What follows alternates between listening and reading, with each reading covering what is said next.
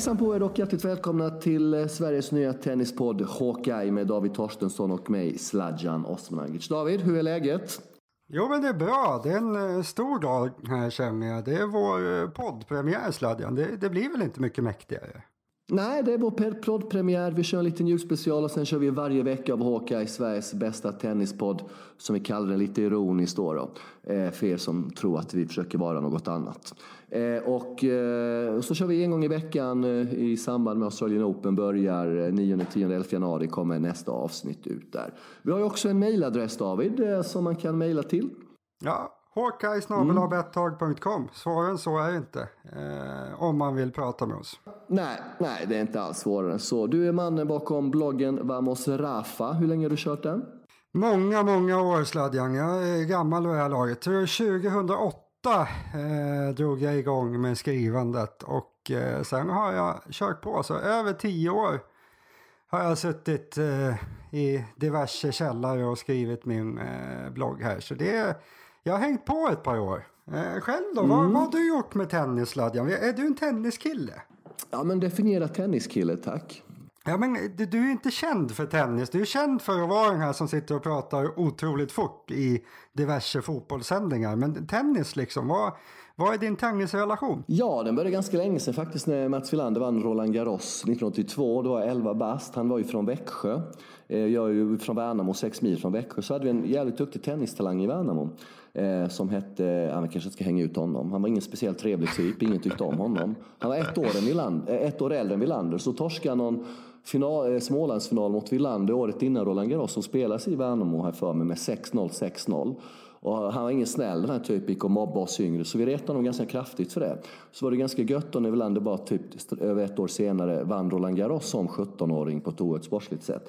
Så att där någonstans eh, började jag följa tennisen. Så kommer du ihåg också, även om du kanske lite yngre än mig, att eh, tennis var fantastiskt stort i Sverige på 80 och 90-talet. Eh, genom flera generationer där. Eh, jag menar, vi hade ju eh, både Villander och Erberg som, eh, som, som världsettor i 80-talet, på 80-talet, eh, Erberg lite in på 90-talet. Sen kom lite yngre generationen med Björkman och eh, Tompa Johansson. De här var duktiga i slutet på 90-talet. Vi var med lite in på 00-talet. Och sen tappade jag lite bort tennisen. Och sen så var jag borta från tennisen ett par år, så kom Federer upp. Det tände inte riktigt till på honom. Nadal blev lite roligare. Och sen kom Novak Djokovic och blev det fulländat igen med tennisen. Och nu lever vi då i en tennisera som är den bästa någonsin. Om du tittar på herrsidan så har du de här tre grabbarna och så har du Serena på damsidan. Men jag undrar, har du några vänner kvar i Tennissverige David efter tio års bloggande? Kvar? Jag, jag har aldrig haft några vänner i Tennissverige. Det är liksom, jag har inte kunnat göra mig av med dem för jag har aldrig skaffat mig några vänner.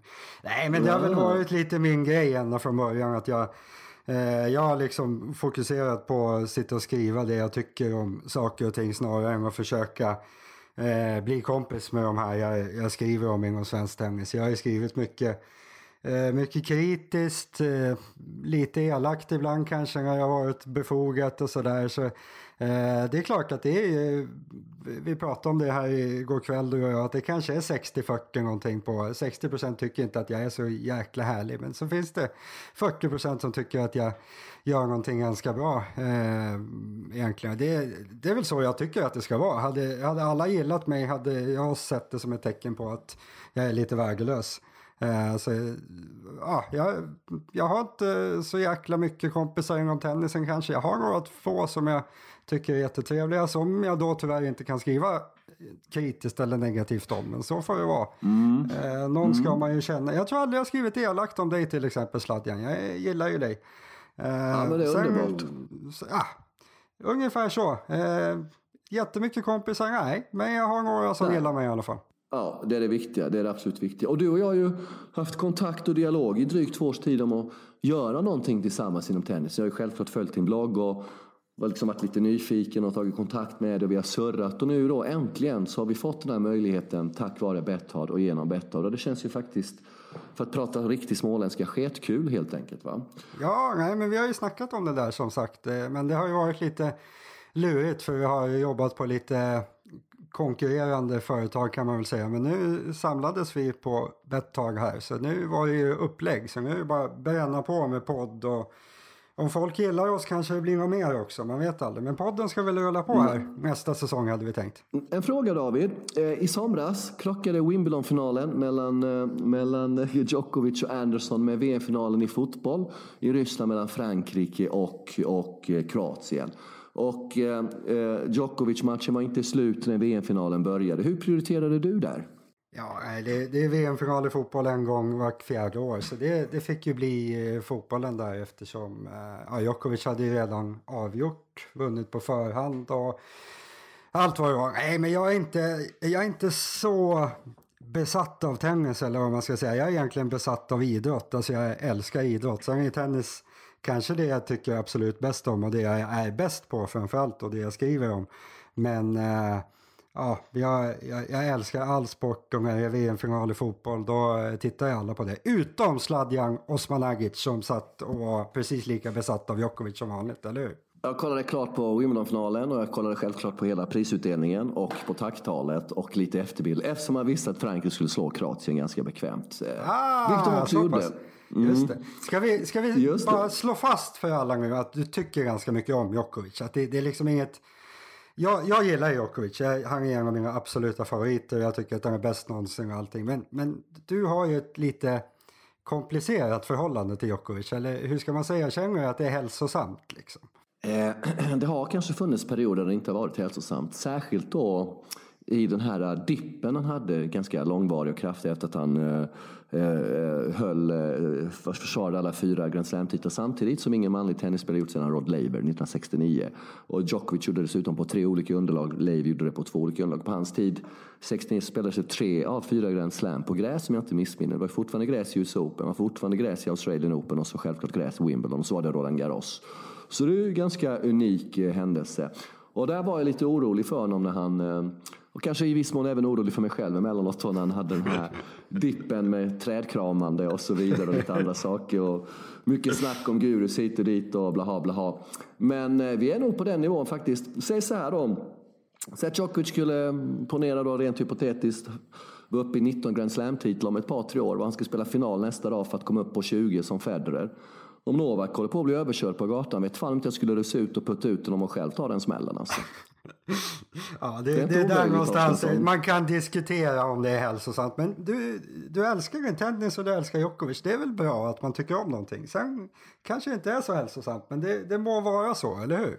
Absolut, sen är ju tennis den överlägset bästa eh, tv-sporten. Eh, både du och jag som du var inne på, tok-tv, ja. tok, eh, sporttokar. Vi lägger nog ner ganska ohälsosamt mycket tid eh, ja, och titta på sport. Så att eh, det är en alldeles, alldeles överlägsen tv-sport och som fick sig ett fantastiskt lyft också när HD-tvn kom. Och, och Hawkeye har ju då, det är lite därför vi heter Hawkeye också, revolutionerade verkligen sporten på något sätt också med lite tekniska hjälpmedel. Så att tennisen är verkligen på ett väldigt häftigt och bra ställe. Och det här är lite att vi sammanfattar året, tennisåret som har gått David. Det har varit ett väldigt, väldigt dynamiskt tennisår måste man ju säga.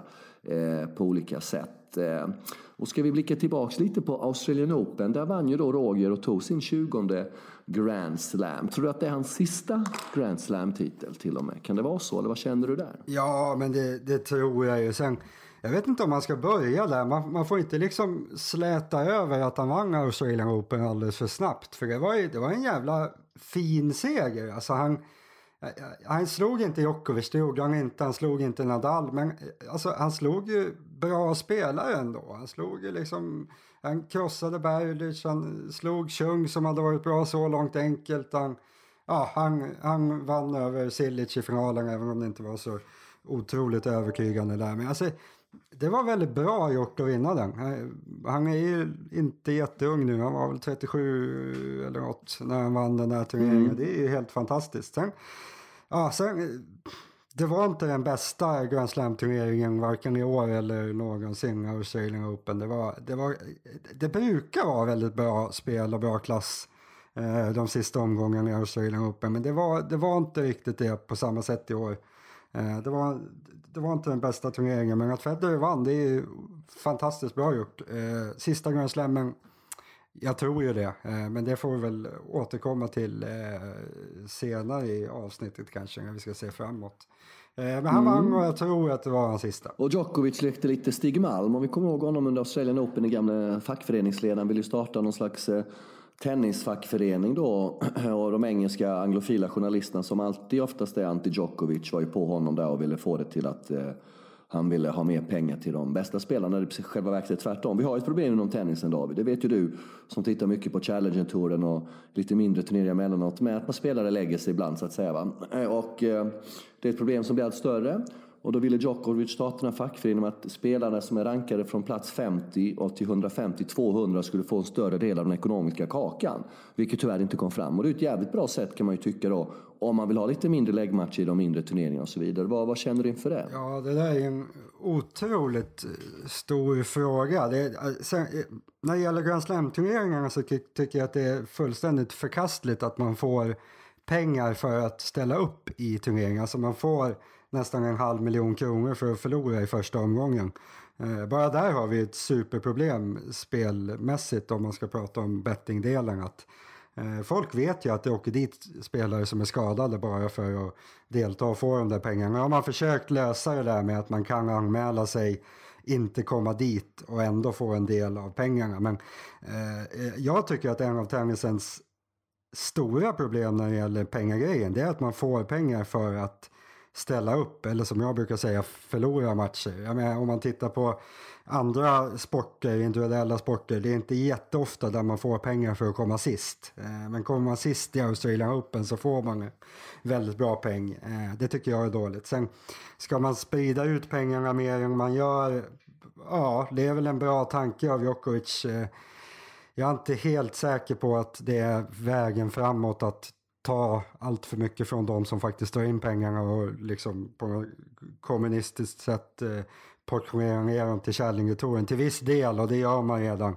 Eh, men jag, tror att det finns väldigt, väldigt, väldigt mycket bättre sätt att komma till rätta med bettingproblemet. Det, det, det räcker egentligen, jag som har varit i bettingbranschen ganska många år vid det här laget, det räcker med att bara ha samarbete med bettingbolagen. Det går jättelätt att se Eh, på pengarörelser och så vidare, vem det är som lägger sig.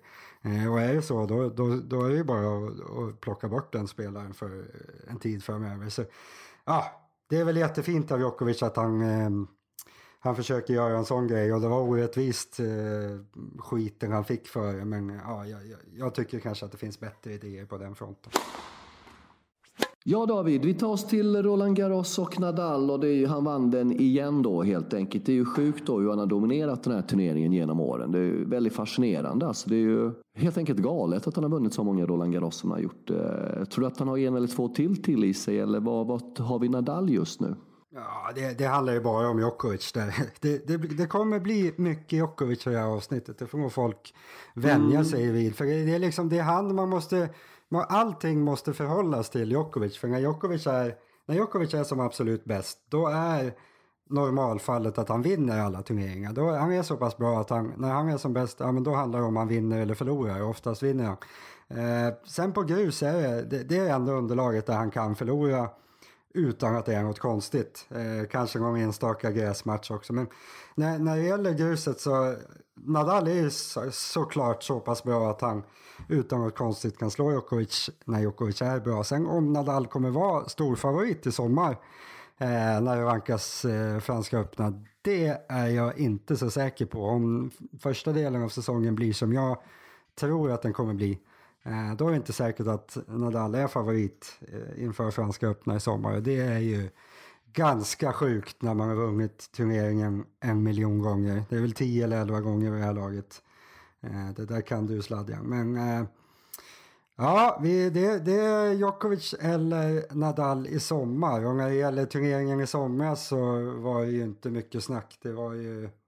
Han var hotad i en match Nadal, annars var det ju bara total slakt liksom, som det har varit några gånger. Eh, men i Nadals fall kanske lite skadeproblematik involverat också där då, liksom hur pass fräsch och fit han är då. Han är ju oftast fräsch och fit när det kommer till grussäsongen, men det är ju alltid lite efter Roland Garros det brukar vara stök. Vi kunde avbryta semifinalen i US Open, som vi återkommer till lite senare, mot Del Potro där. Och Djokovic torskade i kvartsfinalen mot Cecchinato. Eh, hade hur många chanser som helst att vinna den matchen och, och förlorade den och var ju helt vansinnig efteråt. Det rök, nä, rök, kom rök ur både näsa, öron och mun på honom, så arg var han. Och hotade då med, med liksom att eh, ja, fundera på att skita i grässäsongen helt enkelt. Han var så jävla lack alltså på sig själv. Och eh, åkte till Queens, gick till final. Torskade mot Cilic, hade väl matchboll tror jag va? i andra set men Cilic vände på steken. Och sen då kom vi till Wimbledon eh, där man känner att det vänder lite i matchen mot Kyle Edmund i tredje eller fjärde rundan. Publik som beter sig illa och jublar när Novak missar första servar. Och det var ett jättekonstigt domslut där också. Edmund vill inte nog rätta till det där riktigt hit och dit. Men eh, så kommer vi då till det som är årets match David, kan vi vara överens om. Semifinalen mellan Nadal och Djokovic i Wimbledon under tak. Eh, Eh, och framförallt då kanske fredagskvällen när de hann spela de tre första seten. Eh, har du minnen av den matchen och vad tyckte du om den matchen? Det är väl typ den matchen jag minns i år. Eh, det kommer folk mm. märka när vi, när vi kör den här podden att mitt minne är det är bra men kort brukar jag säga. Jag har otroligt bra tennisminne de senaste två till fyra veckorna. Då minns jag alla matcher på alla nivåer. Sen börjar det droppa av. Sen behöver jag hjälp för att komma ihåg grejerna. Men just den där matchen, eh, semin där i Wimbledon, det var ju jag skulle säga den enda matchen i år som var uppe på den här absolut högsta nivån som vi har sett någon eller några gånger varje år senaste 5-10 åren. Det var den här liksom sjuka nivån där det känns som de kan slå hur hårt som helst utan att missa och det var liksom eller var en riktig jävla kraftmätning mellan de två som är bäst. Så det var ju eller var ju årets överlägset eh, bästa match. Eh, om det var där som vände, vände för Djokovic. Jag skulle nog säga lite som du var inne på där, att det var mer i början på Wimbledon så såg man att äh, nu börjar vi hitta det liksom. Nu, nu, det har hänt någonting. Sen vad det vad som gjorde det där, det har jag faktiskt ingen aning om. Men han började hitta sitt spel i början på Wimbledon och sen, det är klart när han, när han klarar av att spela den där matchen och dessutom slår Nadal i den då blir Djokovic, då får han ju det här, den här skallen som gör att det liksom, då, då går det ju inte att tas med honom. Så då kunde man ju säga att nej, men nu är det Djokovic del av säsongen som är kvar. Sen att han skulle vara så överlägsen som han var sista delen av året, det trodde man ju kanske inte. Men det var ju det där som var säsongens grej. Det var ju liksom kraftmätningen mellan de, de två bästa. Där Djokovic vann i år, både den matchen och eh, rankingracet till slut. Så eh, det var en, eh, vi hoppas på lite fler match, sådana där matcher nästa säsong, va Sladjan? Ja, det är verkligen. Och tempot i de tre första seten som spelas på fredag, som spelar en fjärde och femte set på lördagen, var ju helt otroligt alltså i den matchen. Båda ville väl eh, försöka avgöra direkt eller under fredagen för att få lördagen som vilodag. Det var det som var fascinerande, det höga nivån på spelet och det helt enorma tempot. Sen såg då Djokovic eh, Anderson, tog sin trettonde Grand Slam. Tack vare det var det inte så mycket motstånd i finalen. Andersson var på väg att jobba sig in i tredje set och var ju bättre spelare i tredje set men Novak höll undan där. Så det var väl inga. Det var tufft större... för Andersson där ska man säga. 26-24 i semin mot Isner i avgörande set där så att han skulle kunna... Han hade ju inte vunnit ändå liksom men det var, det var hårda bud i uppladdningen där. Ja, och sen lång match mot Federer också. Och det där kommer vi inte få se i Wimbledon eh, 2019, eh, David. Då ändrar man lite grann här då. Ja. Eh, vad tycker du om de här ändringarna som kommer införas? Är det till det bättre eller till det sämre? Det är inte kul att ha Isner med Hutt varje år om man säger. Nej. Nej, men jag tycker att det är bra. För just, just på gräs på gräs är det ju liksom inget konstigt att det blir de här grejerna. Att, att Andersson hade 13, 11, 26, 24 i sina eh, två av sina tre senaste matcher, sista matcherna i Wimbledon. Det är liksom det är inte extremgrejer. Det, det, det är så det blir när man har en extrem servkanon som spelar bra. Eh, och just i Wimbledon så då vill man väl bli av med det där. Sen om man hade varit tvungen att göra det i alla andra turneringar som man nu har gjort också. Det är inte lika viktigt här egentligen men i Wimbledon så var det, tror jag, en absolut nödvändighet. Man har ju haft samma regel i dubbel, att man har haft långt avgörande sätt. Och där hade man egentligen bara tur som klarade sig. Det hade ju kunnat bli någon match som hade hållit på i fyra dagar i dubbel liksom om man hade fyra servkanoner för då blir det inga break på gräs. Så nej, det var, det var nog tid att göra det där. Så, vi har sett de där sista, sista typen av den eh, sortens matcher men vi får väl fantastiska avgörande tiebreaks istället. Så. Ah, jag, jag, tycker att det är bra. Det där, det, det, känns som, det där kan vi lämna till forntiden, de där superlånga matcherna. Vi lämnar det till eh, absolut i forntiden. Ja David, innan vi går in på US Open, årets sista Grand så tänkte jag att vi uppehåller oss lite kring eh, Cincinnati där inför US Open. Där då, som sagt, Mycket Djokovic eh, vann eh, Cincinnati Open för första gången i sin karriär. Besegrade Federer enkelt i finalen. Federer spelade under nivå. Ganska tydligt i den matchen också. Eh, och då kompletterade sin karriär eh, Golden Career Masters är den första spelaren som har vunnit alla nio olika Masters, ATP 1000 Masters-turneringar i historien. Det säger också någonting om hur komplett allround den här killen är på tennisbanan. Ja, och det säger väl någonting om att Ja, jag vet inte. Att han, det finns så mycket saker att peka på vid det här laget att han är, att han är bäst. Inte bara just nu utan eh, någonsin också. Liksom. Att det, Uh, ah, han, han, vinner alla Masters-turneringar. Han har väldigt bra statistik mot de bästa spelarna. Och, ah, det går liksom inte att, att snacka bort lite. Sen visst, man kan peka på andra saker som att Federer har vunnit en miljon turneringar och han har vunnit fler slams. Och, men, men det är så lätt att förklara bort de sakerna i och med att det är så tydligt att det handlade om att, att han inte hade samma typ av motstånd. Djokovic har liksom gjort allt det här i, under den period som är den överlägset tuffaste någonsin inom tennisen. Eh, och att vinna alla Masters-titlar, det är väl, Nadal och Federer har väl bara kvar någon var också. Ja, eh, Nadal har väl aldrig vunnit Miami va? Och han har väl aldrig vunnit Paris inomhus. Federer har Nej. aldrig vunnit Monte Carlo och så är det väl någon till där, vi får återkomma till det. Eh, så det är ganska bra jobbat om man säger så då, då eller hur? Det, det är ganska okej. Okay. Och så, ja, som du var inne på där, eh, han är ju faktiskt nästan exakt lika bra på alla underlag. Han blir lite mer utmanad på grus eh, Djokovic mm. i och med att Nadal är så extrem på det, ut, på det underlaget. Men ser man till Djokovic nivå som han håller så är han ju lika bra på hardcore grus och gräs.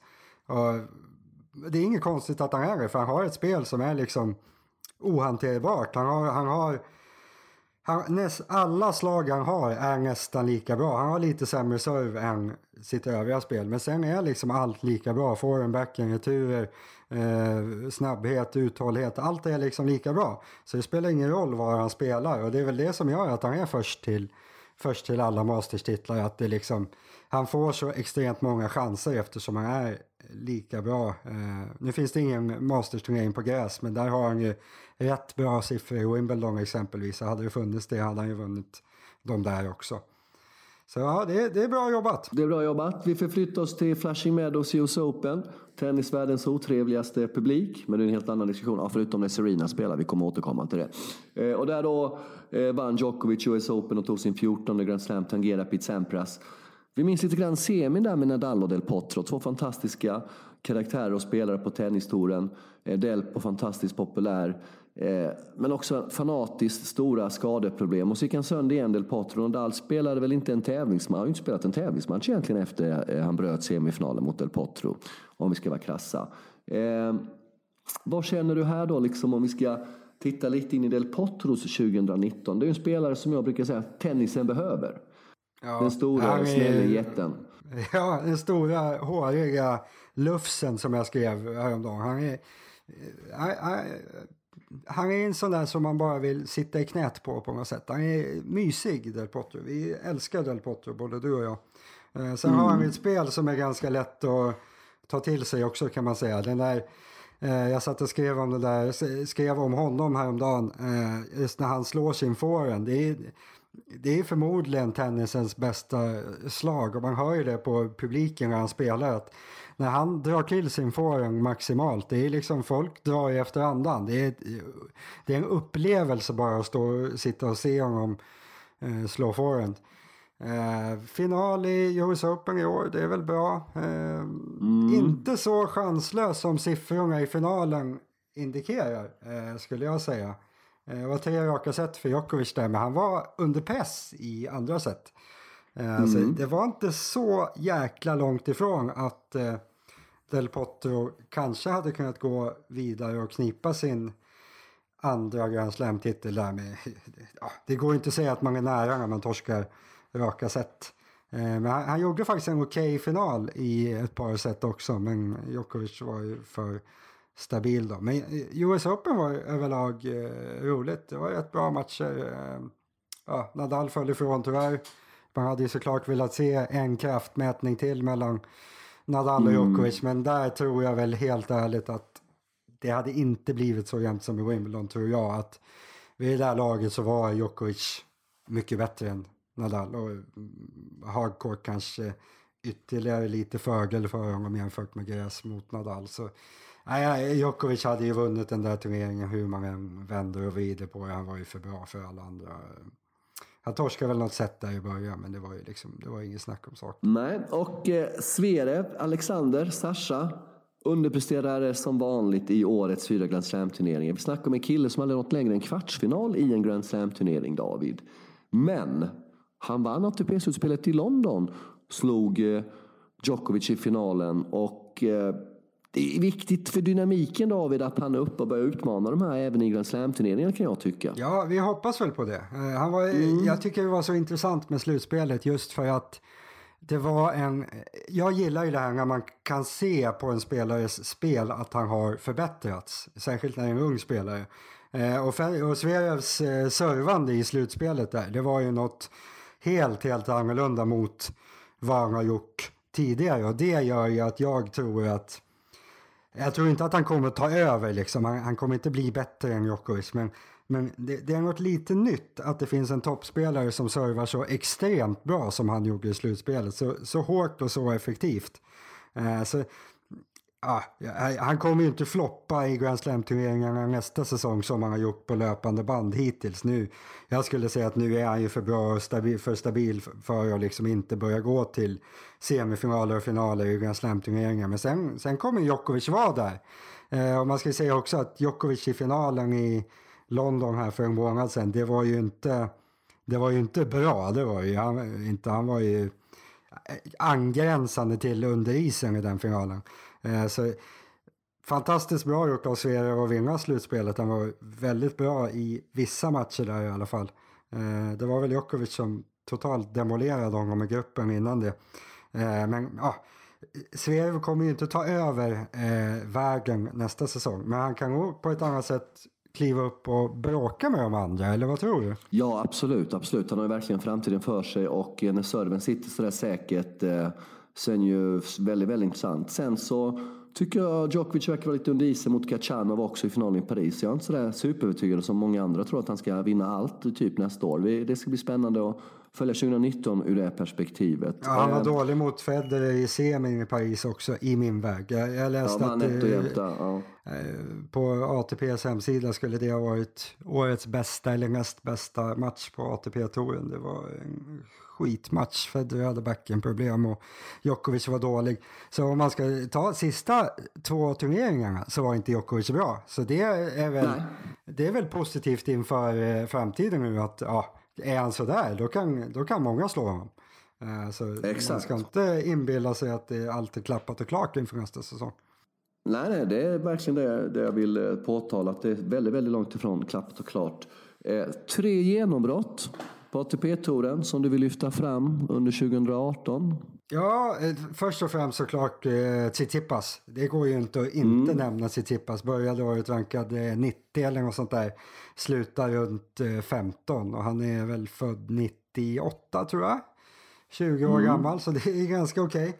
Okay. Eh, sen ska man väl säga när det gäller honom tycker jag att det är viktigt att säga att eh, att han har lyckats klättra så pass högt och vunnit så mycket det är att det har varit en stökig säsong. Att det saknas, det saknas spelare högt upp på rankingen som ska vara där. I framförallt Murray och Wawrinka och Songa, mm. någon, någon till. Hade, hade alla spelat i år då hade inte Tsitsipas varit topp 20. Däremot så är det ett otroligt genombrott. Eh, som jag absolut inte eh, trodde på överhuvudtaget. Eh, så ja, det var det, mäktigt genombrott. Eh, inte så säker på att han kommer kunna följa upp det på samma sätt eh, nästa säsong. Men eh, otrolig klättring. Han hade några fina turneringar. Vann Stockholm Open. Yes. Fler genombrott du vill plocka fram? Koric måste man nämna också, eller Choric. Det där är din, eh, din gubbe som du kan uttala. Choric, ja precis. Väldigt bra av honom också. Eh, trodde inte så vansinnigt mycket på honom heller inför säsongen. Men han, han hittade lite, lite tuffare spel, gick på bollen lite mer och eh, var ju till slut inte långt ifrån slutspelet överhuvudtaget. Precis samma sak med honom. Eh, han hade inte klättrat så högt om om alla hade varit där. Och jag tror att när, när, när spelare börjar komma tillbaka nästa säsong så tror jag att han kommer få väldigt tufft att hålla sin ranking. Men eh, året eh, fantastiskt, eh, fantastiskt genombrott. Någon mer?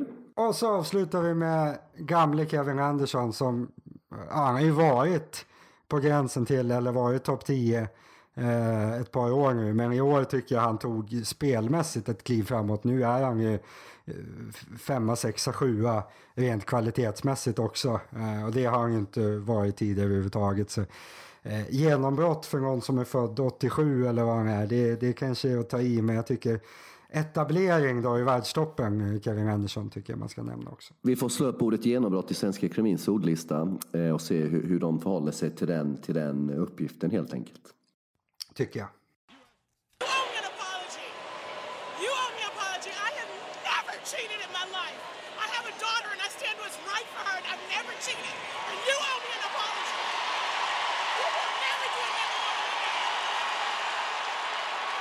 Yeah, it, Serena was watching her coach give her a hand signal. Verbal abuse. And now, Penalty, Mrs. Williams. Wow. David, eh, årets härdsmälta i tennisen eh, fick vi ta del av lite grann nyss då, då när Serena Williams krasst blev utspelad i US Open-finalen av Naomi Osaka. Hon har så jäkla stort spel, Naomi Osaka. Slår ut Serena, Serena har ingenting att svara med. Hon dominerar första set totalt. Och eh, ja, Muratoglu coachar lite. Eh, Ramos upptäcker detta, ger Serena en varning och Serena missförstår det mesta. Då, då. Det är ju inte hon som blir anklagad för någonting utan det är hennes tränare och det drabbar henne. Och ställer till med fantastiska scener under matchen, pinsamma scener under matchen, även efter matchen. Det är så att eh, hon blev utspelad, hon blev bortblåst från banan och låter inte motståndaren få njuta av det. Det tycker jag är förfärligt dåligt av henne. Och, och, och publiken vänder sig mot Osaka. Och till slut måste Serena be publiken visa uppskattning till Naomi Osaka så får hon ett slut. Och hon såg så jäkla obekväm ut på, på, på prisceremonin Osaka. Och det sjuka är ju då att eh, Ramos dömde ju Kroatien och USA i Davis Cup eh, någon, någon vecka senare då det, eh, USAs tennisförbunds ordförande bad honom om ursäkt för Serenas beteende medan de supportade henne i samband med turneringen. Det är lite hyckleri det där Torstensson, är det inte det? Jo, nu, jag älskar ju damtennis jag vill inte verka för, för negativ här mot eh, Serena Williams eller den här, eh, ja vad hon nu hette den här andra. Men nej, det var, hon var först inte så jävla bra. Osaka. Eh, nej, det var ju, det var väl ett i raden av dåliga uppträdanden av Serena. Hon skulle väl döda någon linjedomare här om året också i, mm, i US mm. Open. Så mm. nej, hon är lite hon är lite stökig för att vara så pass stor. Hon är väl en av störst, världens största, inte bara tennisspelerskor utan damidrottare överhuvudtaget. Att liksom, nej, jag, ser du framför dig att, att Djokovic skulle stöka till någonting på det här sättet? Liksom? Det, när, man, när man gör jämförelsen i uppträdande så blir det det blir väldigt stor skillnad. Hade Djokovic betett sig sådär på Flushing Meadows så hade nog publiken gått ner och dödat honom med tanke på hur mycket ja. de ogillar honom där borta. Förmodligen. Och det var ett intryck du hade även under ATP-slutspelet i London att han inte är omtyckt av folk. Nej, nej det är han inte. Det är, framförallt ska man väl säga att folks uppskattande av Federer det är ju helt overkligt stort. Alltså han behöver ju bara, han behöver bara gå in på en tennisbana så börjar folk liksom uppföra sig på ett helt annat sätt. Det är som, han, han är lite gud i tennisvärlden kan man ju säga eh, i folks ögon. Det är, det är ganska coolt på sitt sätt. Men Djokovic är mer som Eh, han, han, ses liksom inte på något annat sätt än vem som helst av de stora spelarna. Det, det, möjligen att folk hoppas att han förlorar lite mer. Det, det, när man sitter sådär och tittar på på plats på en sån där match. Det, det är fascinerande att det finns en världsetta som folk uppskattar så lite. Eh, jag, jag har svårt att förstå det, men min förklaring är väl kanske att eh, Federer och i liten mån Nadal han blir så fruktansvärt stora i folks ögon och sen när Djokovic kom då var det som att han kom liksom och förstörde folks världsbild på något sätt. Folk ville ha Federer och Nadal och helst att Federer skulle vinna allting då. Eh, sen kom Djokovic och då blev det bökigare. Eh, jag vet inte om du har någon mer teori om varför han inte är så omtyckt? Det är en klassisk teori. Det där samtidigt var det ju snart 11 år sedan han vann sin första Grand Slam. Så han har ju varit med ett ganska bra tag, varit etablerad ett ganska bra tag. Jag menar, han kom väl upp som världstrea 2007 första gången och sånt där. Så det ju, han har varit toppspelare ganska länge. Jag vet inte. Eh, det finns säkert många saker att, att, att, ta tag i där då liksom. Men, eh, så vi kan återkomma, fram, eh, återkomma till längre fram. Men just det här, vad jag tycker var tråkigt med Serenas härdsmält var att Osaka får inte den credden efter den fantastiska insatsen. Han är inte bara om finalen, det handlar om hela turneringen. Va? Eh, så hoppas att eh, hon får den credden under, under nästa år istället. Eh, Davis Cup, David, det är ju slut som vi känner till också en oerhört lång tradition som försvann då i och med att Kroatien slog Frankrike i sista Davis Cup-finalen i det klassiska formatet. Och nästa år kommer det komma lite olika nya varianter som det som är tråkigt, man försöker rädda någonting som har varit bra och tappat status. Försöker man rädda det David så blir det ändå bara halvdana lösningar de kommer med. Ja, nej, det här var ju liksom, det här var ju bara, de sålde ju Davis Cup kan man säga. Det här, var, det här är ju inget försök att rädda Davis Cup överhuvudtaget. De, de sålde ju rättigheterna till VM i tennis kan man säga till, vilket är ganska roligt i, i sig, till Barcelonas mittback Piqué med några kompisar som är ihop med Shakira. Det är otroligt mycket konstiga saker här. Att man säljer VM i tennis till en spansk mittback som är ihop med en popstjärna. Det blir liksom lite löjets skimmer över och lite så är det väl. De fick säkert bra betalt och Davis Cup har inte funkat på många år. Det har varit så otroligt orättvist det här med att ett lag har haft både hemmaplan och rätten att välja underlag. Det har ofta blivit avgjort bara på det. Man hade kunnat försöka rädda det på mycket bättre sätt än det här.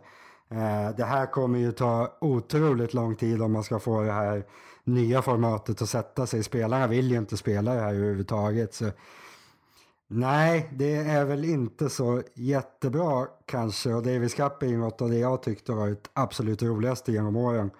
Eh, jag kommer ihåg svenska framgångarna till viss del och du kommer väl definitivt ihåg dem. Så... Ja. Nej, det är väl jävligt tråkigt att det tar slut. Ja, absolut. Det är supertråkigt. Och vi kommer få anledning att återkomma i ärendet eftersom eh, ITF, Internationella Tennisförbundet, vill att spelarna ska spela Davis Cup-matcher för att ha möjlighet att spela OS 2020. Och då är det lite protestaktioner på gång från toppspelarna, vilket man förstår fullständigt. Eh, ni har lyssnat på Hawkeye. Sveriges färskaste och så småningom bästa tennispodd. Och vi har den här underrubriken David, bästa tennispodd för att skoja lite. Men också för att visa att vi har en ambition. Så då, vi är väl bäst? Eller? Ja, ja, men det är framförallt ett sätt... Klart som fan att vi är bäst. Ja, det, det någon annan Men det vill också visa att vi har, vilka, vilka ambitioner vi har. Va? Det, är det, det är det vi vill komma åt, våra ambitioner. Eh, vi är tillbaka då, Torstensson och alla ni som har lyssnat i Runt den 10-11 januari kommer det riktiga premiäravsnittet inför Australian Open. Där det blir kanske mycket fokus på Federer, Nadal och Djokovic inför turneringen, eller hur? Det, det finns omöjligt. väl en viss risk för det. Vi kan nog komma och nämna dem i något sammanhang.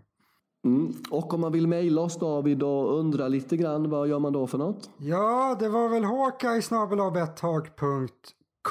och sen har vi fått rapporterat till oss att eh, det finns konton på alla, Twitter, Instagram och allt vad fan det är. Vi, Hawkeye finns överallt om man vill eh, komma i kontakt med oss. Hawkeye, om man googlar Hawkeye podcast kommer man förmodligen till eh, rätt ställe. Men Hawkeye om man vill eh, berätta för oss att vi är bra eller dåliga eller vad vi ska prata om. Eller något. Exakt. David, jag önskar dig en synnerligen god jul och gott nytt år. Tack så mycket och god jul och gott nytt till alla som har lyssnat så hörs vi efter årsskiftet. Ta hand om er, sköt om er. Ciao, ciao.